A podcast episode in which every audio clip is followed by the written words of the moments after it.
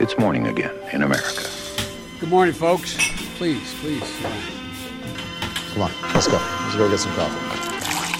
Thank you very much. Det er mandag 23. november. Det er 43 dager til senatsvalgene i Georgia. 58 dager til Joe Biden innsettes som president, og morgenkaffen er servert. Aller først, tidligere New Jersey-guvernør Chris Christie, som stilte som presidentkandidat i 2016, og som deretter ble nær alliert av president Trump, anser det Trumps advokater har gjort den siste tiden som en nasjonal skam. Is it finally time for this to end? Yes. And and here's the reason why. The president has had an opportunity to access the courts. And I said to you, you know, George, starting at 2:30 a.m. on Wednesday morning, if you've got the evidence of fraud, present it.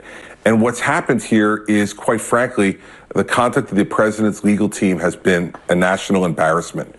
Sidney Powell accusing Governor Brian Kemp of a crime on television, yet being unwilling to go on TV um, and defend and lay out the evidence that she supposedly has. Um, this is outrageous conduct by any lawyer. And notice, George, they won't do it inside the courtroom. They allege fraud outside the courtroom, but when they go inside the courtroom, they don't plead fraud and they don't argue fraud. Christie nevnte bl.a. advokaten Sidney Powells ville anklager mot Georgias republikanske guvernør Brian Kemp uten bevis som et av flere eksempler. Natt til mandag norsk tid kunngjorde Trump-advokaten Rudy Giuliani at Powell ikke lenger ville ha noen rolle i Trumps team. Og senator Kelly Loeffler, replikaner fra Georgia, som da stiller til valg igjen i starten av januar, befinner seg nå i isolasjon etter at hun kan være smittet av covid-19. Trump skal for sin del ha bedt om en omtelling av stemmene i Georgia etter at Bidens valgseier i delstaten ble formelt sertifisert av guvernør Brian Kemp på fredag. Trump har rett til en omtelling da marginen mellom de to kandidatene ikke oversteg 0,5% Biden vant med 12 670 stemmer, en margin på 0,2% Dagens første sak Joe Biden vil nominere sin langvarige rådgiver Anthony Blinken som utenriksminister, ifølge flere kilder. Blinken var utenriksminister under president Barack Obama. New York Times beskriver han som en forsvarer av globale allianser, mens Washington Post trekker fram at Biden og Blinken vil ta USA inn igjen i Parisavtalen, stoppe USAs exit fra Verdens helseorganisasjon og gjenoppta atomavtalen med Iran.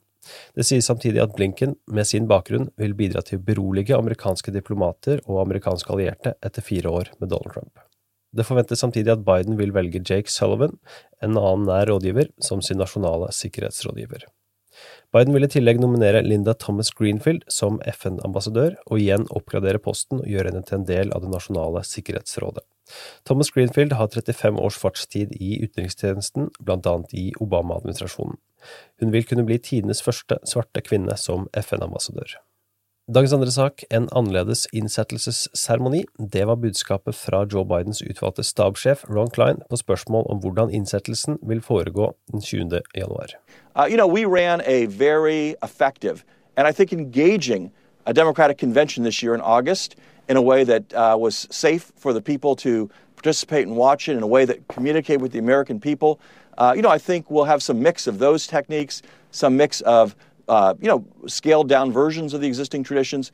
People have a lot to celebrate on January 20th. I mean, we saw the day that Joe Biden and Kamala Harris were announced as president and vice president of the United States. People all over the world, and particularly in America, dancing in the streets. We know people want to celebrate. There is something here to celebrate. We just want to try to find a way to do it as safely as possible. Ifølge Klein skal innsettelsen gjøre ære på det symbolske og øyeblikkets viktighet, samtidig som seremonien ikke bidrar til å spre viruset ytterligere. Samtaler med lederskapet i både Representantenes hus og Senatet skal allerede være i gang med tanke på hvordan dette kan løses på best mulig måte. Dagens tredje sak. En føderal dommer i Pennsylvania har avvist et søksmål fra Trump-kampanjen, som ønsket å blokkere den formelle sertifiseringen av Bidens valgseier i delstaten. Pennsylvanias republikanske senator Pat Toomey har i forbindelse med det avviste søksmålet kommet med en uttalelse der senatoren anmoder Trump om at han nå må akseptere valgresultatet, slik at overgangsprosessen ikke lenger trekker ut i tid. Toomey gratulerte også Biden og Harris med valgseieren. Dagens fjerde og siste sak, Biden planlegger Georgia-besøk. Bidens kommende stabssjef Ron Klein har sagt at Biden høyst trolig vil besøke Georgia i et forsøk på å hjelpe Raphael Warnock og John Ossoff i sine forsøk på å vinne delstatens senatsseter. Klein forklarte at Biden-kampanjen allerede har flyttet flere av kampanjens medarbeidere ned til Georgia for å slutte seg til teamene til Warnock og Ossoff. Dagens utgave av Målkaffen er servert av Hedrik Skotte og undertegnede Are Togflaten. Du leser mer på amerikanskpolitikk.no. Dersom du ønsker å støtte amerikanskpolitikk.no, tar du turen til patron.com.